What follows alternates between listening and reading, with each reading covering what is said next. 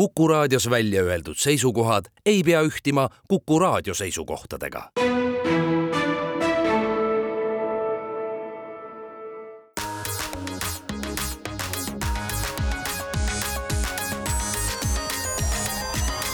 digitund. digitunnile ja digimaailmale annab hoogu Telia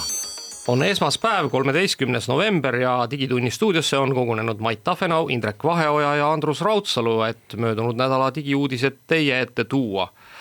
alustame traditsiooniliselt eh, turvauudistest ja esimene eh, turvauudis räägib siis sellest, et eh, OpenAI süsteemid sattusid möödunud nädalal DDoS-i rünnaku alla kuigi äh, me räägime siin saates edasi ka natuke OpenAI-st veel, ma arvan, päris pikalt, äh, nii et mul on tunne, et see DDoS-i rünnak on võib-olla ikkagi, ei olnudki DDoS-i rünnak, vaid hoopis oli tingitud suurest huvist OpenAI uute, OpenAI uute teenuste vastu. Aga igatahes tõepoolest praegu OpenAI on öelnud, et nende teenused on võib-olla halvasti kättesaadavad just DDoS-i rünnaku tõttu ja sellega tegeletakse ja teine, ma arvan, väga oluline turvauudis, mis puudutab siis meid kõiki, on möödunud nädalal äh, siis tekkinud suur kriitika äh, Euroopa Liidu uue EIDAS äh, direktiivi kohta, mis on siis Euroopa Liidu direktiiv, mis käsitleb elektroonilise identifitseerimise ja turvalisuse ja usaldusteenuseid ja nüüd tundub, et siis bürokraadid on äh, kuidagi suletud uste taga sinna suutnud sisse kirjutada sellise lahenduse, et kõik siis brauserid, mis äh, kasutusel on, peavad vaikimisi äh, installeerima Euroopa Liidu siis riiklikud krüptovõtmed, mis iseenesest tähendab siis seda, et kõik riiklikud siis institutsioonid, kes omavad kuidagi nendele võtmetele ligipääsu, on, on võimelised selles brauseris liikuvat andmestikku pealt kuulama. kas ühikest ühiskonda me oleme siis endale küsinud, et kõike saaks jälgida? noh, e-, eks see on noh, seal on, seal on, seal on alati on, on, on siis alati on see turvalisuse ja siis privaatsuse vahel on, on see õhkõrn joon, eks, et, et, et, et kus see joon jookseb. noh, ausalt öeldes küll jah, tõsi, eks tänapäeva maailmas, kus noh, ütleme, et Euroopa Liidu riikide hulka kuuluvad paraku ka näiteks äh, Ungari ja Slovakkia, kus on siis niisugused Putini sabarakud nagu Viktor Orban ja Robert Fico võimul, et äh, ma ei ole kindel, et, äh, et ma ennast väga kindlalt tunnen, kui näiteks äh, noh, nemad suudavad kuulata või noh, ütleme mingisugused siis nende eriteenistused suudavad pealt kuulata no seda on öeldud minu..., et, et nendega juba tegeletakse, et Orbaniga juba tegeletakse, et, et ei pea praegu palju muretsema. jah no ma arvan, et me kuuleme sellel teemal ilmselt diskussiooni veel, äh, noh naljakas on see, et see diskussioon on nüüd tekkinud nagu natuke post factum, et, äh, et, et ennem siis nagu väga suurt äh, kisa selle ümber ei olnudki nagu kuulda minu arust on natuke naljakas ka see, et nagu Euroopa Liit, kes on nagu samas on nagu väga palju vaeva näinud inimeste privaatsuse nimel, eks ju, tegelikult nõuab samal ajal endale ka tagauksi kuhu iganes ja nuhkides ükskõik millega sinu järele, eks ju, et, et, et see on nagu väga vastuoluline asi, et kas see, et mina eraisikuna tahan Indreku järgi nuhkida, on nagu keelatud, aga see, et mina ametnikuna tahan Indreku järgi nuhkida, on okei okay. okay., et see mm -hmm. nagu no aga see skisofreeniline olukord no, tekib. kui me, kui me mõtleme näiteks selle peale, et noh, ma ei tea, et Threads ei ole siiamaani saadaval Euroopa Liidus, eks täpselt nendel samadel põhjustel, et nad ei suuda siis vastata Euroopa Liidu turvanõuetele siis noh, mis pidi siis see on okei okay,, eks, et, et, et, et täiesti kontrollimatult on võimalik siis brauseri liiklust pealt kuulata, aga noh, võib-olla on seal siis ikkagi mingisugused noh, ma ei tea, ma loodan, et, et võetakse vastu ka mingid õigusaktid, mis siis seda ikkagi nagu noh niisama lihtsalt ei luba vähemalt teha, et. ma hakkasin mõtlema, et peaks inimõiguste reegleid uuesti lugema hakkama, et minu arust see õigus puutumatusele ja eraelule on ikkagi ju. Võiks ju olemas. nojah, no vot nüüd tekib küsimus, et kas äh, brauseris toimuv on sinu eraelu või mitte, et keegi ei käsi sul ju brauserit kasutada oma eraelus. mulle tundub, et internet on inimõigus, et selles mõttes ta ikkagi peaks, et kui ma ütleks, et internet ei ole inimõigus, aga ta on, see on juba kokku lepitud ammu, et minu arust. ja kui sa oma koduses arvutis äh, brausid, siis äh, on see üks asi, aga kui sa tööarvutis natukene brausid, kas see siis on sinu eraelu? No vot, see on nagu tööandja suhe on juba natuke erinev teema, aga küsimus ei ole töö tegemises. kui sa oled ise enda tööandja ka veel no see läks natukene keeruliseks, aga las ta jääb. aga ma ütleks niimoodi, et ma väga tahaks loota, et Euroopa Liidust ei saa uut Hiinat, et, et selles mõttes niisugune nagu avalik tahe nuhkida iga asja järgi kuidagi on nagu äraspidine sellega, mis on Euroopa minu arust väärtused. mulle, mulle ikkagi meeldib see, et, et kasutage signalit, et, et siis, kui tekkis vaata Ühendkuningriikides tekkis see küsimus, et kõik siis äh, sõnumiteenuste äpid peavad andma siis äh, ka tagaukse Ühendkuningriikidele, siis Signali juht lihtsalt teatas seda, et noh, midagi ei ole teha, aga Signal peab turult lahkuma sellepärast, et ta on ehitatud nii, et ka neil endal puudub see ligipääs sinna, sinna. Aga lähme siit edasi, noh, võib-olla mõnevõrra sarnase teemaga, et möödunud nädalal siis ilmselt paljud Eesti inimesed said ka endale äh, Facebooki minnes teate, et äh, hakka maksma ja saad reklaamidest lahti. see on muidugi minu arust nagu mitme küljega asi, et esiteks ma arvan, et mõnes mõttes see tähistab niisugust tasuta interneti aasta lõppu selles mõttes, et me tegelikult ütleme niimoodi, oleme harjunud äh, aastakümneid tänaseks, et kõik, mis arvutitega toimub, on ikkagi pigem tasuta, eks ju, ja ja vähehaaval on tekkinud siis äh, harjumused maksta mingisuguste teenuste eest. Ja, ja väga paljud suured teenused on endiselt olnud siis viisil või teisel kuidagi kättesaadav, aga järjest rohkem ja rohkem on tasulisi pakette ja see on muutunud uueks normaalsuseks, tahad elada maksa. no nagu sa ennem ütlesid, et internet on inimõigus, siis praegu ikkagi pigem on Facebook inimõigus no,. mulle tundub, et Facebook on natukene tähtsam kui ütleme, vanasti oli see tänaval. ei, ei no kui me arvestame seda, et väga paljud inimesed saavadki oma nende esmane infoallikas, kust nad midagi võtavad, ongi ju Facebook. absoluutselt, siis sõltub mõttes..., sa suhtled oma kogukonnaga, sõpradega, kõigest. saabki no, võrdusmärgi just, ju tõmmata, et no, nende jaoks Facebook ongi internet. kui, kui me nüüd mõtleme ka selle peale, et, et ega Meta siis ei ole ainult Facebook, Meta on ka Instagram, eks, Meta on ka Whatsapp noh, okei okay,, Whatsappi äh, noh, reklaamid ei ole mingisugune teema praegu, aga, aga noh, selles mõttes nüüd Metal kõikide nende teenuste peale kokku on maailmas üle kolme miljardi kasutaja, aktiivse kasutaja kusjuures mm. -hmm. noh, mis tähendab seda, et ikkagi praktiliselt nagu siis kogu noh, ütleme inimkond, kes kuidagi omab nagu enam-vähem internetile ligipääsu, on ka metateenuste kasutajad mis sisuliselt noh, võib ka öelda jah, et nad on nagu internet ja nüüd tuleb siis selle eest maksma hakata. no mina tahaks isegi tuua niisuguse paralleeli, mida ma olen ka varem rääkinud, vaadake, Meta on minu arust maailma kõige suurem riik selles mõttes, et vabalt käid tänaval, suhtled inimestega, kellega tahad, eks ju, oled sa Hiinast, Ameerikast, doesn't matter, ma räägin kõigiga vabalt otse. ja nüüd on see küsimus, et noh. ei, kusjuures, kusjuures ma üldse ei räägi vabalt kõigiga otse selles mõttes, et ma arvan, et seal ikkagi metatsensor on vahel ja kui, kui talle tundub no,, et sa räägid midagi, mida, mis talle tundub, peaks kuulama, eks, mis tundub talle, et ei ole sobilik, siis ikkagi pannakse suu, suu kinni. no tõsi on, eks ju, aga igas riik ta, tahab saada kuskilt saada kümnist, eks ju, et noh, ka Facebook Maksud, tahab saada. kusjuures, kusjuures vaata, ega meil on ju olnud siin ka juhtumeid, eks, et, et noh, mis on täiesti veidrad, noh, kui ma nüüd oma mälus sobran, siis minu arust äh, näiteks Igor Taro Facebooki kontot on vist Facebook küll kinni keeranud, on ju. korduvalt isegi vist, jah. just äh, tänu siis sellele, et ta postitab sinna tegelikult äh, postitusi Ukraina sõja käigust, on ju, et, et no, no, ei tea. Facebooki ploki kunagi, mäletan, kõik soovisid mulle sünnipäevaks õnne, mõtlesin, et tänan kõiki isiklikult, kes on viitsinud võtta vaevaks mulle midagi kirjutada ja kirjutan üsna kiiresti arvutis, väga ei mõtle, tõmba enter ja läks järgmine, eks. ja, ja ma arvan, et ma sain umbes veerand äh, tänud edastatud ja peale seda öeldi Facebookis, et äh, sa kirjutad liiga palju, liiga kiiresti, et paneme su ploki peale ja mitu päeva eetri, eetrivaikus no,. mitte, et ma väga postitaja oleks olnud, aga. klassikaline selline represseeriva riigi näide, et eks ole, et näiline sõnavabadus on küll olemas, aga nii kui sa hakkad seda väga siukseid jõuliselt kasutama, siis riik hakkab kohe, hakkab sind kohe käsi väänama, eks. kusjuures, kusjuures noh, kui me nüüd tuleme tagasi selle sellesama nagu maksmise ja privaatsuse juurde, siis see noh, mida siis, kuidas Facebook seda välja reklaamis, on see, et noh, kui te ei taha reklaame näha, siis äh, makske raha, aga seal kuskil no, erakordselt brutaalne, ma ütleks. oot, oot, oot, aga seal small print'is oli ikkagi kuskil ka kirjas see, et, et juhul, kui te nüüd siis seda raha ei maksa, siis me loeme seda, et noh, et, et kõik need teie isikuandmed, mida me siit teada saame, on tegelikult nagu meie omanduses ja meie kaup, on ju. et ja teeme nendega, mis me tahame. just, et, et, et noh, et, et see just nagu legitimiseerib ka selle, et, et Facebook võib siis nagu käituda meie isikuandmetega andmetega ükskõik kuidas ta tahab, noh, see on nüüd eri, eriküsimus, kas see tegelikult on legaalne, eks on ju, et noh, ta on sellise ettepaneku teinud, sa võid igasuguseid ettepanekuid teha, noh, ühel hetkel ma loodan, et ka kohtud noh, kuskil nämmutavad selle läbi ja ja, ja, ja langetavad siis otsuse, et, et kas tegelikult võib nii teha ja öelda, et kui sa meile raha ei maksa, et noh, siis me võime sinuga teha ükskõik mida. natuke... vot see ongi see koht, kui me GDPR reegleid loeme, siis tegelikult sõltumata sellest, kas sa oled tasuline või tasuta, sa pead tagama inimese nagu andmete nagu privaatsuse, eks ju, kui inimene ütleb, et ei saa, siis punkt ei saa, eks. aga minu teada nad tegid selle liigutuse praegu just kohtuotsuse najal, ehk siis meil kohus ütles, et, et aga küsige kasvõi mingit raha ja nad võtsid selle väga väikses kirjas, küsige siis näiteks raha ja panidki selle endale siis peamiseks eesmärgiks. aga see viis, kuidas nad selle praegu välja panid, see on muidugi selgelt väljapressimine nagu selles mõttes, et kas maksa või nagu võtame sult kõik, et see kuidagi nagu viis, kuidas nad seda väljendanud on, on väga brutaalne ja nad ei küsi mitte natuke raha see on ikka väga palju see on raha. väga suur summa. ja, jah, nad küsivad siis üheksa üheksakümmend üheksa ühe siis Facebooki konto eest kusjuures noh, kui teil juhtub olema veel mitu kontot, näiteks on Facebooki ja Instagrami konto, siis küsitakse iga järgmise konto eest kuus eurot juurde. kusjuures sellega on sihuke, sellega on sihuke pull, et sa ei saa veel otsustada, et ma Instagramis, et noh, kui sul need kontod on kõik kokku juba korra seotud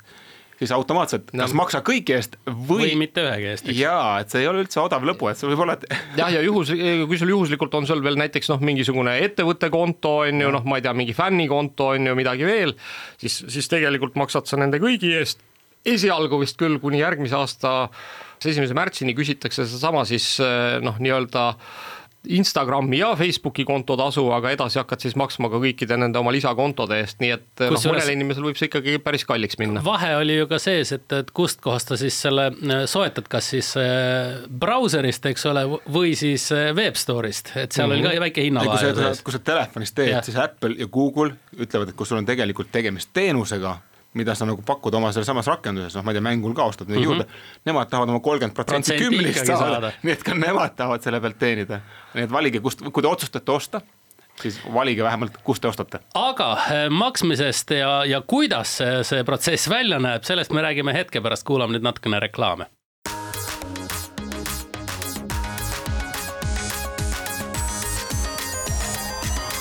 digitund digitunnile ja digimaailmale annab hoogu Telia. Digitund äh, on tagasi stuudios jätkuvalt Mait Tafenau, Indrek Vaheoja ja Andrus Raudsalu. Ja räägime siis edasi äh, Facebooki suurepärasest pakkumisest kõigile maailma inimestele, et äh, vabandust, kõigile Euroopa inimestele, sest et mujal maailmas nad seda vist ei rakenda võib-olla siinkohal küsimus, et äh, kas olete kolleegid selle pakkumise vastu võtnud, mina pean tunnistama, et ma ei olnud nõus vähemalt esimese hooga maksma ja ütlesin, et ei, ma olen nõus sellega, et äh, minu andmeid siis kasutatakse. tead, me tegime just Andrusega selle katse läbi. kusjuures, kusjuures, kusjuures ma, ma nüüd, et, et keegi valesti aru ei saaks, siis ma pean ka ütlema, et mina ka ei ole nõus maksma ja ma arvan, et enamus meie kuulajatest ei ole nõus maksma tõenäoliselt või noh, minu arust on see natuke nagu väljapressimise sarnane asi ja ma loodan ikkagi, et, et kogu selle isikuandmed, jah, see isikuandmete kasutamise teema ikkagi vaieldakse kuskil kohtus läbi ja et pannakse seal, pannakse seal Facebookile päitsed pähe, aga äh, noh, selleks lihtsalt, et äh, kõigile neile kuulajatele, kes ikkagi noh, tahavad ta, osta. lihtsalt, lihtsalt suva järgi ei ole valmis nagu kellelegi nagu siis kümme eurot ära andma, siis me tegime selle protsessi läbi, et siis teile rääkida, mis ja Facebookiga mitte, juhtub. mitte niisama kümme eurot, vaid kümme eurot kuus ikkagi. no just, just. oli kaks olulist küsimust, eks ju, vaata, mida me lahendasime, et punkt üks oli see, et natuke segadust, väga palju inimesi rääkisid, et et see tegelikult ei võta reklaame ära, lihtsalt isikustatud reklaamid kaovad ära. mina see... sain ka, kusjuures tuleb tunnistada esialgu niimoodi aru, et, et, et sul ongi, et reklaamid jäävad nagu alles edasi, aga ei, see siiski ei ole niimoodi, ta peaks kaotama ikkagi kõik reklaamid ära. see oli see, mida mina jällegi välja lugesin nendest postitustest, mida Facebookist mina nägin, eks ju, ja tegime selle katse läbi ja veendusime, et ja kaovad. tõsi, ta on, kaovad ära kõik reklaamid, noh küll jäid järgi mingisugused imelikud asjad, mille nimi oli siis, mille nimi on sulle soovitatud, ma päris täpselt ei saa aru, et kuidas need tekivad, et kas need Aha. on siis, need olid, noh, ma arvan, et need olid ka vanasti olemas, et need olid vaata mingisugused sellised asjad, kus Facebook siis kuidagi jälgib sinu huvisid mm -hmm. ja noh, leiab kuskilt noh, siis mitte nagu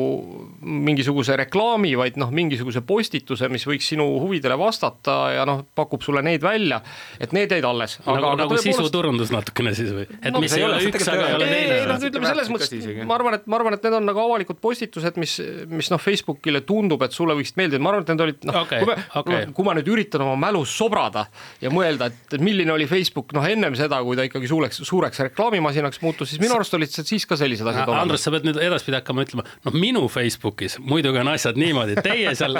noh, surfake oma reklaamide all, aga meil käivad asjad niimoodi. oot-oot, aga, aga nüüd noh, mis on selles mõttes, kui ma nüüd vaatan seda oma Facebooki feed'i, feed'i, äh, siis tõepoolest noh, natuke tekib nagu niisugune vana aja Facebooki tunne, et, et on äh, sõbrad natuke nagu välja ilmunud, mis vahepeal olid täiesti kadunud. Ma arvan, et ma nagu natuke aega kasutan seda Facebooki, aga olgem ausad, ma olen tegelikult tänu sellele Facebooki reklaami tihedusele juba ammu loobunud Facebooki kasutamast, kui noh, ütleme mingisugust asja, kus oma siis sõpradega, sõprade käekäiku jälgida, et ma üritan nendega ikka kuidagi muud moodi suhelda ja siis aru saada, mis nendega toimub või, või noh, ütleme, et et, et see ei ole see koht enam minu jaoks vähemalt noh, see harjumus on mul juba kadunud. ja nüüd on päris huvitav, et kui me Maiduga siis noh, panime oma arvutid kõrvuti, et võrrelda siis, et, et mille poolest siis meie Facebooki äh, vood erinevad, siis tõepoolest noh, ütleme, et Maidul oli seal kõvasti reklaami ja noh, seda oma voogu kedrates ta leidis sealt reklaamide hulgast juba ühe vidina, mis talle õudselt meeldis ja tahaks endale soetada. nii et noh, ütleme, et ma ei ole päris kindel, et, et, et, et ma selle noh, jään siis selle tasulise teenuse kasutajaks, sellepärast et äh, tõsi ta on. Facebook, Facebook tõepoolest väga hästi ikkagi suudab sind profileerida ja aru saada, mis asjad sulle huvi pakuvad ja. ja noh, kui ma nüüd nagu kõikidest nendest toredatest vidinatest ilma jään, on ju, võib-olla ma tahan ka mõnda ikka ikkagi tagasi, et, et, et noh, ja ausalt öeldes ma ikkagi ei ole nõus maksma seda kümmet eurot äh, kuus pidevalt selle eest, et äh, lihtsalt Facebooki kasutada, nii et, nii et äh, ma arvan, et ma varsti selle tellimuse tühistan mõnes mõttes jah, ega need reklaamid Facebookis on tihti väga hoolega sihitud ja, ja kui nad väga hoolega on sihitud, vahel on need tegelikult täitsa ju asjapärased. aga reklaami on Facebookis päris palju, et kui ma vaatasin Andruse enda feed'i, siis ma võin öelda, et tegelikult iga neljas-viies postitus vahelduva eduga on tegelikult reklaam, et seda on väga palju, et kui sa tund aega Facebooki kerid, siis tegelikult võiks öelda, et veerandi sellest ajast oled sa vaadanud reklaame. julgelt jah. aga teine põnev asi oli see, et kui nüüd Andrusega tahtsime seda katset läbi viia, siis tegelikult Andrusega üles leida seda kohta ise ilma, ma ei tea, otsimata ei olnud tegelikult võimalik. see, kui sa oled esimesel hetkel, eks ole, kui sulle see pakkumine tehakse, ütled ei, ma ei taha ja, ja, ja siis uuesti üles leida on keeruline. katsuse see üles leida. ja ma leidsin selle üles ainult ühel põhjusel, sest siis, kui ma esimene kord nägin, ma tegin sellest pildid endale, et ma teaks, et ma saan sellest täna rääkida ja ma kopeerisin sealt ära need lingid, mis olid vajalikud ja seal oli olemas see help lehekülg, kus sai selle kohta rohkem lugeda ja seal oli uuesti olemas informatsioon, et sa saad seda muutma minna selle koha pealt ja selleks, et ostu teha mitte heade tavade järgi, nagu öeldakse, kolme klikiga peavad asjad tehtud mm -hmm. saama. ma arvan, me tegime umbes viisteist. No vähemalt jah, ja ütleme nii, et, et see, kuhu see on ära peidetud, ei ole väga loogiline, noh, ma saan aru, miks see on nagu nii hästi ära peidetud, sellepärast et tõenäoliselt ka sellest tellimusest loobumine käib seal sama hästi ära peidetud kohas. Aga, aga jah äh.... ütleme vanasti ka Apple'is, kui sa subscribe isid mõnda teenusesse, siis subscribe imine üldiselt oli väga lihtne, kõik rakendused väga kergelt lubasid seda kui sa tahtsid sellest loobuda. see on keeruline. sa pidid minema arvutisse, käima läbi mingi viisteist lehekülge, eks ju, ja leidsid üles lõpuks selle koha, täna on see tehtud väga lihtsaks. tõesti, sul on väga kerge võtta telefonist ülevaade, aga Facebook järgib sama õpitud rada, mida teised on varem teinud. kuulge, aga ma ei tea, teeks sellest mingisuguse lühikokkuvõtte ka, et mulle tundub, et, et kõik need, kes öö, oma raha peale nüüd otseselt vihased ei ole, vist väga palju ikkagi sellest Facebooki noh, tasulisest teenusest täna ei võida et juhul, kui te olete nagu väga selgelt seda meelt, et te tahaksite näha Facebookis ainult sõprade postitusi või noh, ütleme siis eh, noh, saada tagasi, ütleme nagu Facebooki feed'i juurde umbes a la kümme aastat tagasi, on ju. Et eh, siis eh, võite kaaluda seda, kas te tahate neile raha maksta, noh, vähemalt minu tunne on selline, et et mina tõenäoliselt ikkagi oma tellimuse lõpetan pärast, noh nüüd, kui me oleme kindlaks teinud, et mida see tellimus siis endas kätkeb, Mait, ma ei tea, kuidas sulle tundub ja ei, mina arvan, et äh, mõnes mõttes on reklaamid sisu osa ja hea on teinekord neid näha, küll ma ei ole kindlasti kas selles koguses aga samas oleks tore, kui päris nagu kõiki neid andmeid jällegi edasi ei müüdaks. nojah, aga ma loodan, ma loodan, et see andmete mitte edasimüümine ikkagi lahendatakse mingil muul moel, et, et, et lõppkokkuvõttes. Äh, ja ei maksa, Andrus, sa räägid ainult Facebookist kogu aeg, aga väga paljudel inimestel on ka Instagrami konto ka, et, et see, see raha maksmine veel topelt äh, summa juures, no igaüks saab ise otsustada, et, et ega meie siin. Äh, see, et, et meie otsus on suure tõenäosusega mitte maksta, ei tähenda seda, et teie ei pea seda tegema. jah, no tahate, tahate, proovige järgi, Mait, ma ei tea, ma arvan, et me võime ka siis postitada selle õpetuse, et kust, kust siis on see, kus on see keeruline koht, kus selle üles leiab. ja, ma panen selle lingi. saab äh, teostada aga noh, tõsi ta on, et, et ka Instagrami konto läheb puhtamaks, et vaatan oma Instagrami kontot ja noh, ma näen seal ka enamasti oma sõpru. aga kuidas sa nüüd ostma hakkad asju, Andrus, kuidas siis see asi sul käima hakkab, lähed no, otse veebipoodi? muuseas, muuseas teate, kellele ma soovitan Facebookile maksta seda äh, kümmet eurot kuus, kõigil neile, kes teevad igasuguste lollakate vidinate impulssoste. Okay. makske, makske, ma arvan, et te hoiate raha kokku, maksate selle kümme eurot kuus ära ja siis äh, võib-olla jäävad mõned lollakad vidinad, mida Facebook teile söögi alla ja söögi peale üritab pähe määrida ostmata ja tegelikult hakkasin, te olete lõppkokkuvõttes plussis. ma hakkasin mõtlema, et kes mu tuttavatest kõige rohkem sihukest tegevust teeb ja mu esimene nimi, mis pähe tuli, Andrus nii et siis läks praegu õigesse kohta see raha, tundub kuulge, aga nüüd te peaaegu et veensite mind ümber, et ma äkki ei hakka tellima. sa veensid ennast ise ümber, aga sa ei saanud veel aru sellest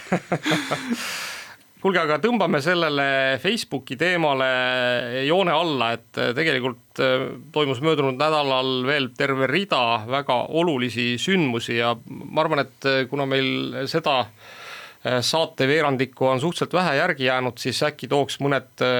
Telegrami stiilis uudised praegu kuulajateni, sest et meil on paar väga olulist sündmust, mida me peame kajastama.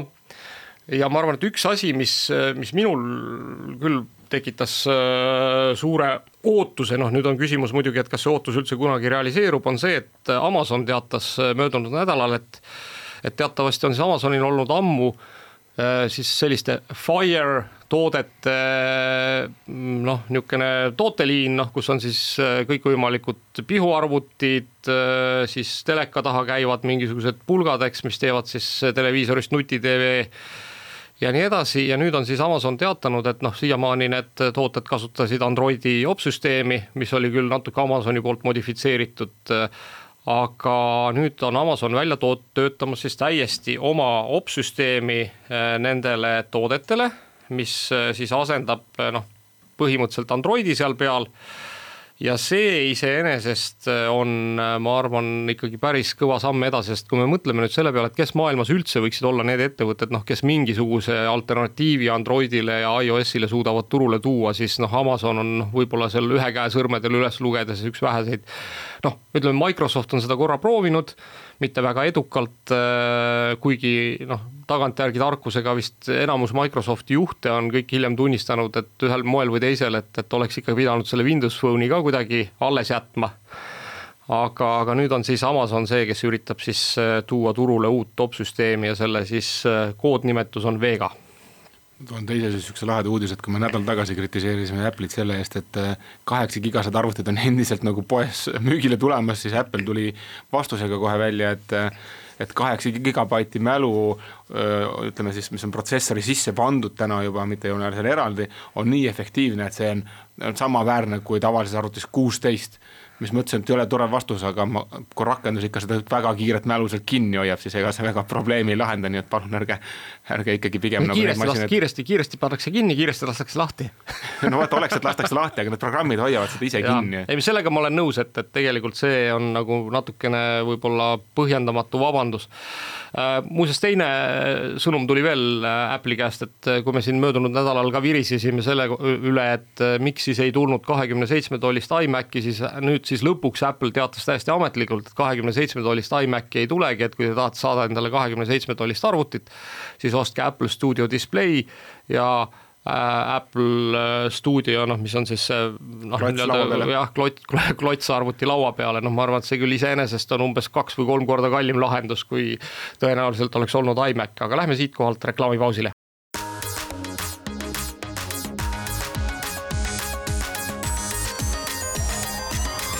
Digitund. digitunnile ja digimaailmale annab hoogu Telia Mait Tafenau, Indrek Vaheoja ja Andrus Raudsalu on jätkuvalt Digitunni stuudios ja räägime nüüd äh,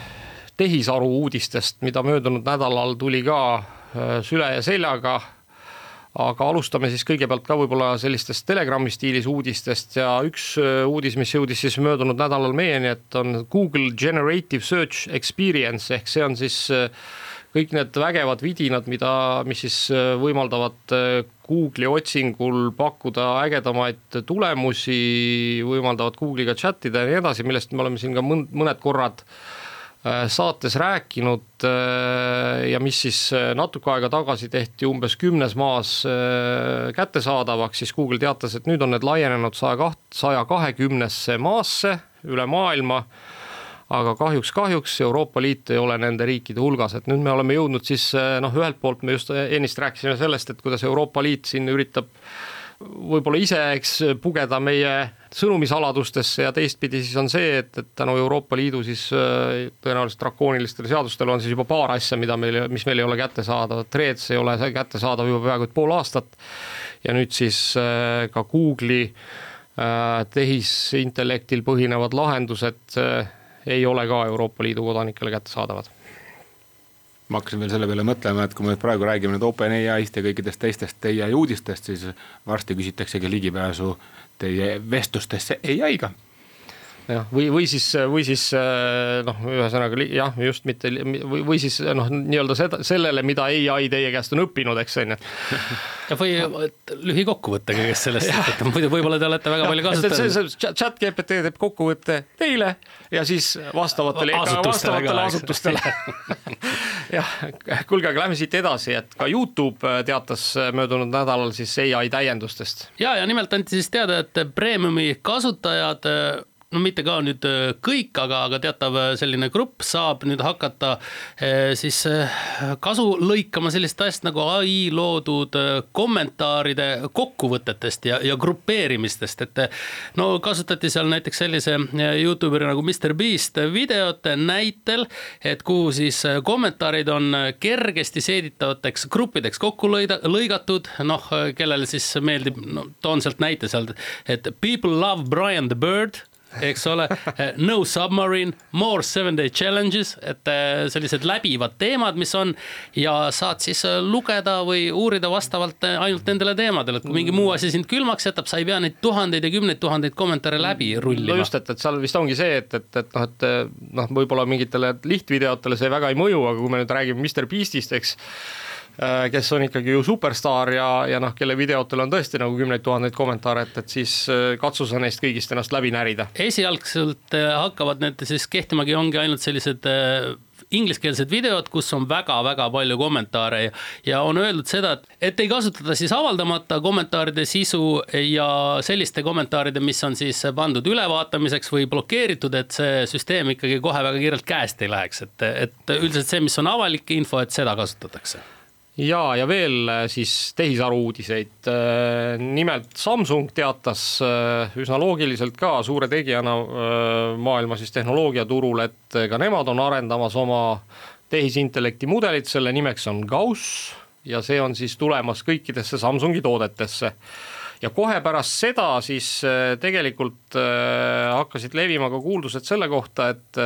Samsungi järgmise aasta äh, siis mobiiltelefoni või nutitelefoni tippmudel S kakskümmend neli, äh, mis muuseas tuleb turule tõenäoliselt juba jaanuaris ehk äh, siis üsnagi jaanuari alguses, sisaldab Galaxy ai nimelist tehisintellekti lahendust, mis noh, üllatus-üllatus tööstus äh, tõenäoliselt äh, noh, suudab teie fotot teha veel, eks ägedamaks, joonistada kuu, mida ei ole taevasse ja nii, nii edasi, aga aga nüüd üks funktsioon, mis on minu arust ikkagi siiamaani enneolematu, on see, et äh, siis sedasama Galaxy tehisintellekti lahendust kasutav telefon suudab reaalajas tõlkida telefonikõnesid ehk eh, kui sa Mait helistad mõnele hiinlasele, siis eh, tegelikult saad rääkida temaga nii, et eh, sa ei pea hiina keelt oskama. minu arust see on niisugune asi, mida oodata küll ausalt öeldes, et sul ikkagi nagu see maailm avardub veelgi, et noh, täna me ei suhtle eriti võib-olla palju hiinlastega, aga võib-olla just sellepärast ei suhtlegi, et see on niivõrd. keelebarjäär on päris palju, eks ju. lihtsalt palju, vaid see on nagu põhimõtteliselt võimatu barjäär lausa, noh ei ole võimalik rääkida nagu niisuguses nad ei saa, kumbki meist ei oska nagu võib-olla nagu mingit vahepealset keelt, mida nagu mõlemad oskaks, et hiinlased valdavalt, kui sa lähed sinna kuskile sügavamale maale, ei räägi inglise keelt, et me arvame küll, et kõik räägivad maailmas inglise keelt, et see on tegelikult mitte üldse nii populaarne keel ja ja oodata, et mina õpiks ära hiina keele ka ei juhtu, aga kui on telefon, mis suudab selle tee kuidagi mugavaks teha, siis ma arvan, et sealt võib-olla minul isiklikult mitte aga võib-olla mingitel noortel inimestel, kes on nagu avatud jällegi uutele mõtetele, väljakutsetele, avardub sealt mingisugune uus ärivõimalus, mida me kunagi ei ole oodanud, et kas just Hiinas, aga noh, jumal teab. ei no mitte ainult ärivõimalused, lõppkokkuvõttes on ju see võimalus, noh, ükskõik inimestega, et noh, ma ei tea, kui sa mõtled kasvõi sõjapõgenike peale, eks, kes tulevad kuskilt kaugelt maalt äh, tundmata siis kohalikku keelt on ju, et neil on võimalik hakkama saada ja nii edasi, et. või no kasvõi kui lähed turismireisile mingisse just. kohta, eks, et okei okay,, et mis ei ole siis ingliskeelne maa või, või ma ei tea, mõne muukeelne, mis on rohkem levinud, et, et siis äh, ma arvan, on väga palju võimalusi. aga noh, ütleme, et ega siin see on noh, ma arvan, et me oleme nüüd siin nagu tõesti ühe väikese sammu kaugusel siis sealt pöidlaküüdi reisijuhis äh, kirjeldatud siis äh, loomakesest nimega Babelfish, mis oli siis mingi kala, kes käis kõikide olendite kõrvas ja kes tõlkis siis kõiki universumis olemasolevaid keeli üksteisest teistesse, nii et noh, sisuliselt ma arvan, et see, et ta on hetkel olemas telefonis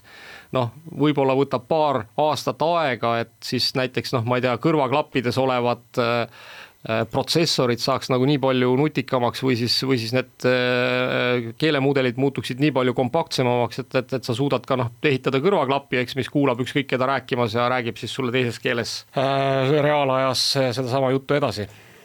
möödunud nädalal siis äh, toimus San Franciscos tõepoolest äh, Äh, OpenAI siis esimene äh, arendajate konverents ja, ja me mõtlesime, et me teeme siin teile ühe sellise testnäite siis äh, kõigest sellest. palun tee kümnesekundiline kokkuvõte OpenAI DevDay konverentsil räägitust. OpenAI DevDay konverentsil tutvustati GPT-4 turbo uudistusi,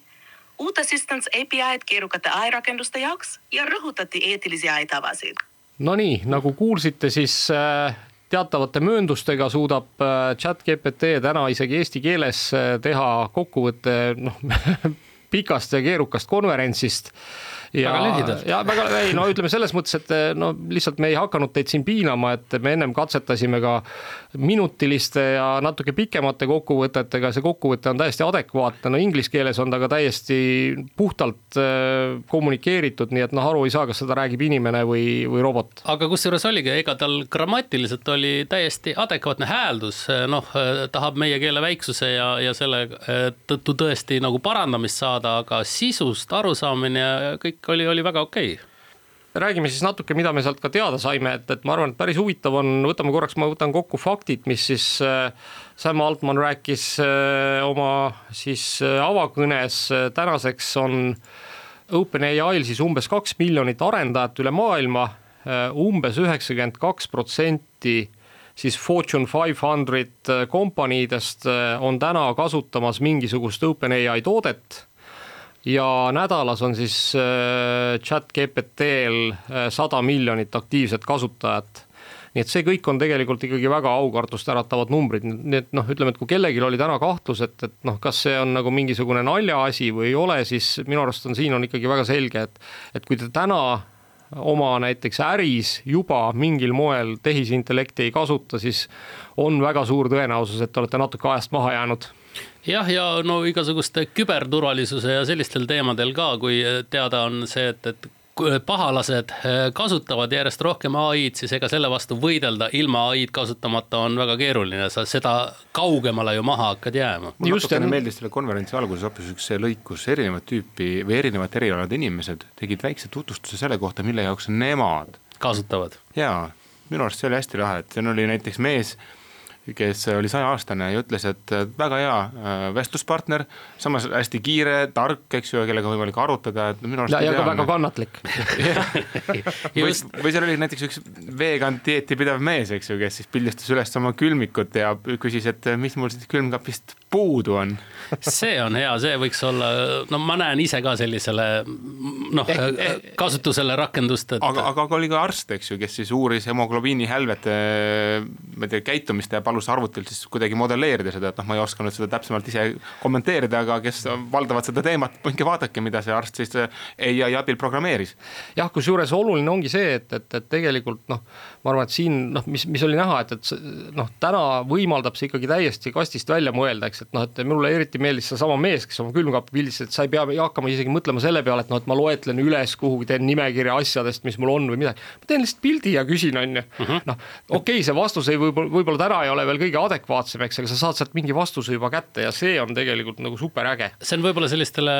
inimestele, kes kõiki asju tupperware karpidesse ei pane, et kui sa vaata kõik ära peidad asjad ilusasti õhukindlalt, siis, siis on keerulisem võib-olla, aga, aga muidu jaa, see oli väga muljetavaldav. aga räägime siis sellest ka, mis siis äh, toote osas äh, välja hõigati. kõigepealt siis tuleb turule GPT neli turbo, äh, mis on oluliselt kiirem,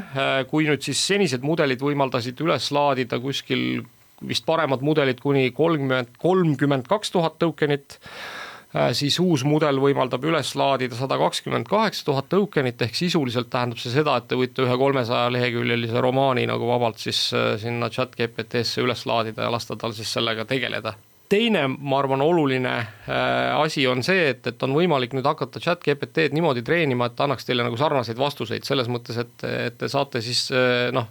ütleme, te lahendate alati mingit ühte, ühte ja samasugust probleemi, eks, et siis on võimalik teda õpetada nii, et ta noh, ei hakkaks iga kord mõtlema nagu asju välja nullist, vaid tegelikult äh, noh võtab juba, võtab juba mingid eeldused, jah. et, et sa oled matemaatikaõpetaja ja, ja harjutate ära võimalikult palju, et oskaks tegeleda siis kuuenda klassi matemaatikaga ja siis saad hakata nagu iga kord samalt leheküljelt edasi, et davai, lähme siit teemast äh, kuskile kohta välja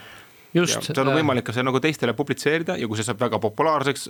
siis OpenAI lubas ka selle populaarse rakenduse nagu siis kasutajatelt teenitud tulu sinuga jagada. just, ja mis on, mis on, mis on selles mõttes on jumala äge, on see, et, et tulevad siis noh, nad ise nimetavad neid GPT-deks lihtsalt. Ehk, ehk sisuliselt on siis antud võimalus hakata genereerima kõikvõimalikke siis äh,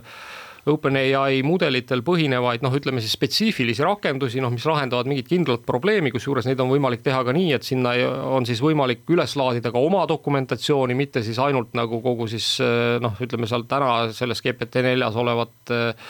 nii-öelda kuskilt internetist kokku kogutud dokumentatsiooni, on võimalik seda enda järgi tune ida, on võimalik anda sellele mudelile ka mingisuguseid piiranguid ja noh, ja seda on võimalik teha ikkagi omamata igasugust programmeerimisteadmist, et, et, et seda on võimalik siis teha põhimõtteliselt samamoodi chat GPT-ga chat ides, noh nagu te võiksite mingeid küsimusi esitada. ja veel võib-olla, mis on olulised asjad, on siis see, et, et kui me mäletame, et chat GPT siiamaani oli noh, äh, natukene nagu ajaloos kinni, ehk tema nagu teadmised maailmast lõppesid septembriga kaks tuhat kakskümmend üks. Siis äh, nüüd uus mudel on siis uuendatud, äh, ta viimane teadmine maailmast on aprillist kaks tuhat kakskümmend kolm ja noh, vähemalt lubadus oli siis Sam Altmani poolt selline, et et äh, seda nii-öelda update itakse ka jooksvalt kogu aeg. Aga lähme siinkohalt reklaamipausile ja siis räägime juba edasi, mida me veel kuulsime OpenAI developers Dale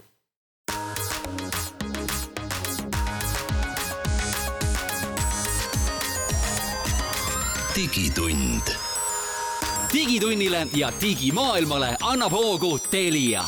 Mait Tafenau, Indrek Vaheoja ja Andrus Raudsalu on Digitunni stuudios tagasi ja jätkame siinkohal siis äh, äh OpenAI Developers Day konverentsi äh,, konverentsil kuuldu kirjeldamist äh,. me rääkisime natuke siis sellest, et äh, chat GPT neli turbo, mis on siis uue mudeli nimi, on oluliselt võimekam, aga seal oli tegelikult üks oluline muudatus veel arendajate jaoks ja noh, ütleme, et kui siiamaani on siis paljud arendajad ikkagi andnud OpenAI-le teada, et noh, arendaks küll, aga natuke kallis on et, et saaks äkki nagu noh, mõnikümmend protsenti hinnaalandust, siis oleks juba elu palju lihtsam. Ja nüüd siis äh, äh OpenAI tegelikult tuli kõigile vastu ja ei alandanud siis hinda mitte mõnikümmend protsenti, vaid äh, suisa kaks kuni kolm korda ja seal on siis nüüd ütleme, et et siis input tokenite hind on kolm korda madalam ja output tokenite hind on äh, kaks korda madalam, nii et noh, sisuliselt see tähendab seda, et ikkagi pea, et ütleme noh, kaks pool kuni kolm korda on siis tavalise kasutaja jaoks äh, chat GPT neli turbo kasutamine odavam kui siis GPT neljal. Võib arvata, et sellele järgneb nüüd jällegi suurem hulk rakendusi, mis siis baseeruvad samal OpenAI-l, aga kes on siis nagu kohandanud selle jällegi mingi kindla asja jaoks, noh, neil oli mingisugused näidised ka seal endal välja toodud, mis rakendused täna juba nagu nende tehnoloogiatel on, et noh, jällegi on aidatud luua näiteks pimedatele paremaid lahendusi, mille abil siis paluda kirjeldada, et näed, midagi on mul siin laua peal, et mis see siin olla võiks ja siis äh, OpenAI tehnoloogial peaks tulemus olema oluliselt parem, et noh, jällegi peaks mm -hmm. minema elu tänu sellele paremaks, et neid tööriistu tuleb järjest rohkem, et mis iganes kohas saab olla sihuke tööriist abiks. ja, ja, ja noh, mis on ka oluline, on siis äh, integratsioon äh, OpenAI siis erinevate teenuste vahel, noh teatavasti on ju turule tulnud ka DALL-i kolm, mis on noh, senisest veel võimsam siis äh, nii-öelda tekstist äh, kuvade looja äh,. nüüd siis DALL-i kolm ja GPT-4 on täielikult integreeritud, sinna on integreeritud ka siis äh, uus äh, siis text to speech äh, moodul, keda te siin ka kuulsite kõnelemas, äh, noh, kes suudab noh, nagu näete, isegi eesti keeles küll teatava aktsendiga, aga siiski täiesti vabalt rääkida, nii et, nii et noh, ütleme, et see, mida selle peal ehitada võib, on ikkagi noh, ma arvan, et sky is the limit, et me alles hakkame nägema kõiki neid ideid, mida, mis sealt hakkavad välja tulema. Aga paar olulist asja, ennem kui me võib-olla hakkame natuke arutama selle ümber, et mis see siis meile toob, äh, ma tahaks veel ära öelda, et üks, ma arvan, mis äh, on väga oluline muudatus äh, äh, siis kogu tehisintellekti maailmas on see, et OpenAI ütles välja, et nad tulevad siis äh, nii-öelda noh, väljapakkumisega või teenusega, mille nimi on copyright shield, mis iseenesest tähendab siis seda, et juhul, kui te selle chat GPT abil genereerite endale midagi ja teil peaks siis selle tõttu tekkima kuskil siis mingisugune intellektuaalse omandi vaidlus Äh, siis äh, chat GPT või siis OpenAI, vabandust, maksab selle kinni. et see, ma arvan, muudab ka täiesti kogu seda maailma, mis või noh, ütleme seda, neid võimalusi, mis, mida, mida me, mida me teha saame. aga no tulevad suured kohtuvaidlused ka ikka ilmselgelt. Äh, nojah, ütleme, kui, kui juba on lubatud, et makstakse, noh siis ilmselt, ilmselt ja, küll leidub ka neid, kes ja. tahaks kaevata, on ju. see on selles mõttes ka keeruline vaidluse koht, eks ju, üldse see, ütleme, autoriõigus ja nii edasi, et noh, et kui ma saan inspiratsiooni näiteks mõnest Indrek, Indreku tehtud laulust, ükskõik mille tegemiseks, kas see on see järgmine laul või hoopis mingi konkreetse asja tegemine või mis iganes, sain energiat trenni teha. et noh, et millisel juhul see tegelikult on siis see nagu rikkumine, et, et noh, varem kuidagi inimesed on alati nagu kopeerinud üksteiselt äh, viisil või teisel asju, eks ju, ja, ja see on väga selgelt reglementeeritud, kui ma teen väga-väga sarnase, on probleem. Aga kui ma sain sellelt inspiratsiooni, noh, seda ei ole võimalik ju kuidagi mõõta ja noh, samamoodi käin koolis, me käime ju muuseumites ka neid maale vaatamas, mitte selle jaoks lihtsalt, et oh, ei ole võimas, vaid ka tegelikult inimesed saavad sealt inspiratsiooni, eks. ja, ja nüüd süüdistada ai-d selles, et tema käitub nagu inimene, õpib sellest, see on noh, väga keeruline teekond, eks ju. ei no ega Indrek võib ju seda ka öelda, et ma arvan, et ka bändimeestel on sama, et mida rohkem sa ikkagi oled kuulanud nagu teiste bändide lugusid, seda parem bändimees oled. või see võib ka muidugi noh, sihukese tagasilöögi anda, et sulle võib tulla mõni et oi, mul on inspiratsioonipuhang, ma loon nüüd mingi teose, eks ole. ja kui siiamaani on raske kontrollida seda, kas see võib olla sarnane siis nüüd tegelikult ai-ga võib-olla on kohe võimalik ära kontrollida, kas see ei sarnane juba mõnele olemasolevale teosele, millest siis noh, on tahtmatult jäänud sulle, eks ole, kas siis mingi viisijupike kummitama või no miks mitte mingi motiiv, millest sa maali teed. mulle alati meeldib see, et kui sa lähed näiteks muuseumisse ja noh, giid räägib, et näed siin tuntud kunstnik, tema sai, tollel hetkel teda mõjutasid siis sellised, sellised sündmused ja sellised kunstnikud ümberringi, et, et see on justkui okei okay. mm. -hmm. aga kui keegi teine nüüd täna värskelt minu asja nii-öelda on mõjutatud minu poolt, eks ju, siis me räägime ikkagi kopeerimisest, et noh, see on niisugune nagu hägune, hägune valdkond, et mulle natuke tundub, et noh, ma saan väga hästi aru, et tõesti, kui ma olen midagi väga unikaalset loonud ja, ja keegi seda nagu üritab nagu samamoodi nagu tuluks keerata ja minuga seda ei jaga, siis on see väga, väga nagu kuidagi alatu, eks ju. aga teisest küljest on see paratamatult evolutsiooni osa, et kui ma, me kunagi ärme, kedagi ärme, ärme, ärme, ärme sellesse diskussiooni lähe, see jääb ma kardan, et see jääb meie saate teemast väljapoole ja siin on nagu ma arvan, et äh, võimalus sattuda libedale jääle on päris suur. ma saan aru, aga noh, see ütleme, see on väga kuum teema, eks ju, kõikidel nagu sisuloojatel ja nii edasi, et kes on nagu mures, et GPT õpib nende pealt ja räägitakse järjest rohkem sellest, et piirame selle GPT nagu ligipääsu meie nagu kanalitele. et ühest küljest nagu nüüd GPT ise ütleb, et noh, tõesti me eh, kaitseme ja, ja tagame, et see nagu tehnoloogia, loodud sisu ei oleks eh, samasugune. Aga noh, teisest küljest, kui kõik hakkavad väga piirama, siis noh, see ai ei saa kunagi nagu lennata noh, ega seal on probleem on selles, et, et, et täna eks ka suured internetikanalid on hakanud pi-, noh, ma ei tea, võtame näiteks äh, Redditi on ju, kes on ikkagi väga selgelt äh, noh, aru saanud, et, et see, mis seal toimub, eks Redditites, et see on üks võib-olla viimane selline noh, suuremahuline adekvaatse nagu inim siis kollektiivse aju toodang, on ju, mis mm, -hmm. mis toodetakse inimeste poolt ja noh, inimestele. just inime, inimeste poolt inimestele ja selle tõttu, ja selle, ei no ja ai, vaata ja see, selle tõttu, eks Reddit ongi sellele hakanud ligipääsu piirama, on ju, et noh, sellest oli ju ka natuke aega tagasi suur skandaal, eks, et. et aga noh, minu jaoks on küsimus see, et, et noh, mida ma siis olen ka siin paar korda öelnud, et. et kui meil nagu ühel hetkel oleme olukorras, kus noh, seesama, eks, et, et noh, kui nüüd okei okay,, täna on nagu ai, eks pääseb ligi, ligi nagu viimast, viimasena aprillikuus siis tehtud noh, ma ei tea, internetipostitustel on ju. aga kui näiteks kahe aasta pärast on noh, ma ei tea, üheksakümmend protsenti internetipostitustest on tehtud sellesama ai poolt on ju, et noh, et siis on küsimus selles, et millest sealt siis õppida on. noh, ma ei tea, võib-olla, võib-olla on ka see, et, et noh, nii nagu eks Äh, filosoofid on koolkondade kaupa, eks õppinud järjest, eks äh, eelkäijate töödest on ju ja, ja, ja, ja peavad neid ikkagi väga täpselt teadma, et noh, võib-olla juhtub ka ai-ga samasugune asi, et hakkab ise arenema ja tema sees noh, võib-olla tekivad täiesti uued ideed, eks, mida inimestel üldse pole olnud siiamaani. Jah, aga võib-olla tekib lihtsalt selline koopiate, koopiate, koopia ja lahja lurr, millel ei ole üldse nagu sisu enam. no just. see, see hirm on ju kogu aeg üleval, eks. sest oluline ikkagi siiamaani on aru saada see, et, et noh, ükskõik kuidas me kujutame nüüd ette, et ai-l võiks olla mingisugune noh, nagu hing või, või, või, või, või, või, või touch reaalsusega, siis tegelikult tal seda ei ole, et noh, tegelikult ju noh, tegu on keelemudeliga, mis ikkagi baseerub sellel, et keelel, igasugusel keelel on mingisugune struktuur, mingisugused sõnad järgnevad loogiliselt mingitele te,, mingitele teistele sõnadele ja kui sa oled seda struktuuri siis piisavalt palju matemaatiliselt uurinud, noh, siis sa noh, võid küll armastust avaldada, aga ega sa ise ei saa aru, mida sa tegelikult teed, eks, et see on lihtsalt sõnade järgnevus, on ju, mis, mis noh, tuleb eks kuskilt noh, nendest tekstidest, mida sa oled lihtsalt läbi töötanud, nii et noh, et see, et et kui Ping üritas kelleltki ikkagi nagu äh, abikaasat üle lüüa, ei, ei tähenda seda, et, et, et, Ping tegelikult aru sai, millega ta tegeles, on ju see on tehniliselt võttes lihtsalt statistiline töö, eks ju. analüüsid, mis asi on loogiline järgnema sellele, sellele osale. aga muuseas, üks asi veel, mis mulle äh, silma jäi seal äh, konverentsil, seal käis ka lava peal siis ka korra Satya Nadella, Microsofti juht noh, kes loomulikult siis kiitis kõvasti Open ai-d ja ütles, et kui väga ta neid armastab ja noh, eks Microsoft on ju neid armastanud ka kümne miljardiga, mis nad sinna sisse pannud. üks asi, mis mulle kõrva jäi, oli see, et ta ütles, et, et nad on ikkagi noh, tänu sellele, et nad on nii palju panustanud tehisintellekti, on nad pidanud ümber ehitama või ümber noh, mõtestama kogu oma siis pilveteenuste arhitektuuri. Ehk tegelikult noh, ühest küljest siis kõik need andmemahud, mis äh, täna nagu seal tehisintellekti maailmas liiguvad, et need on ikkagi äh, pretsedenditud ja, ja, ja noh, kogu see paralleelsus ja, ja, ja, ja see, kui palju arvutusi tuleb teha, nii et noh, mulle tundub, et ühest küljest nagu siis noh, võib-olla me oleme läinud nagu sihukest huvitavat arenguteed maailmas, et kõigepealt oli krüptokaevandamine, mis võttis kõvasti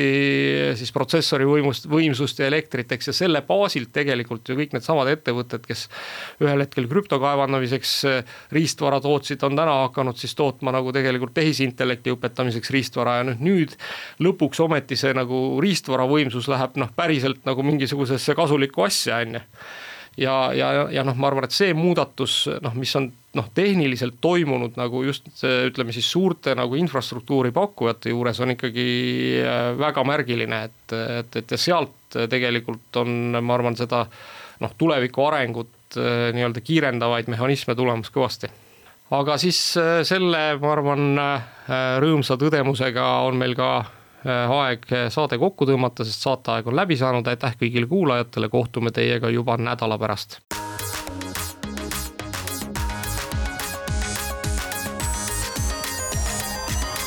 Digitund. digitunnile ja digimaailmale annab hoogu Telia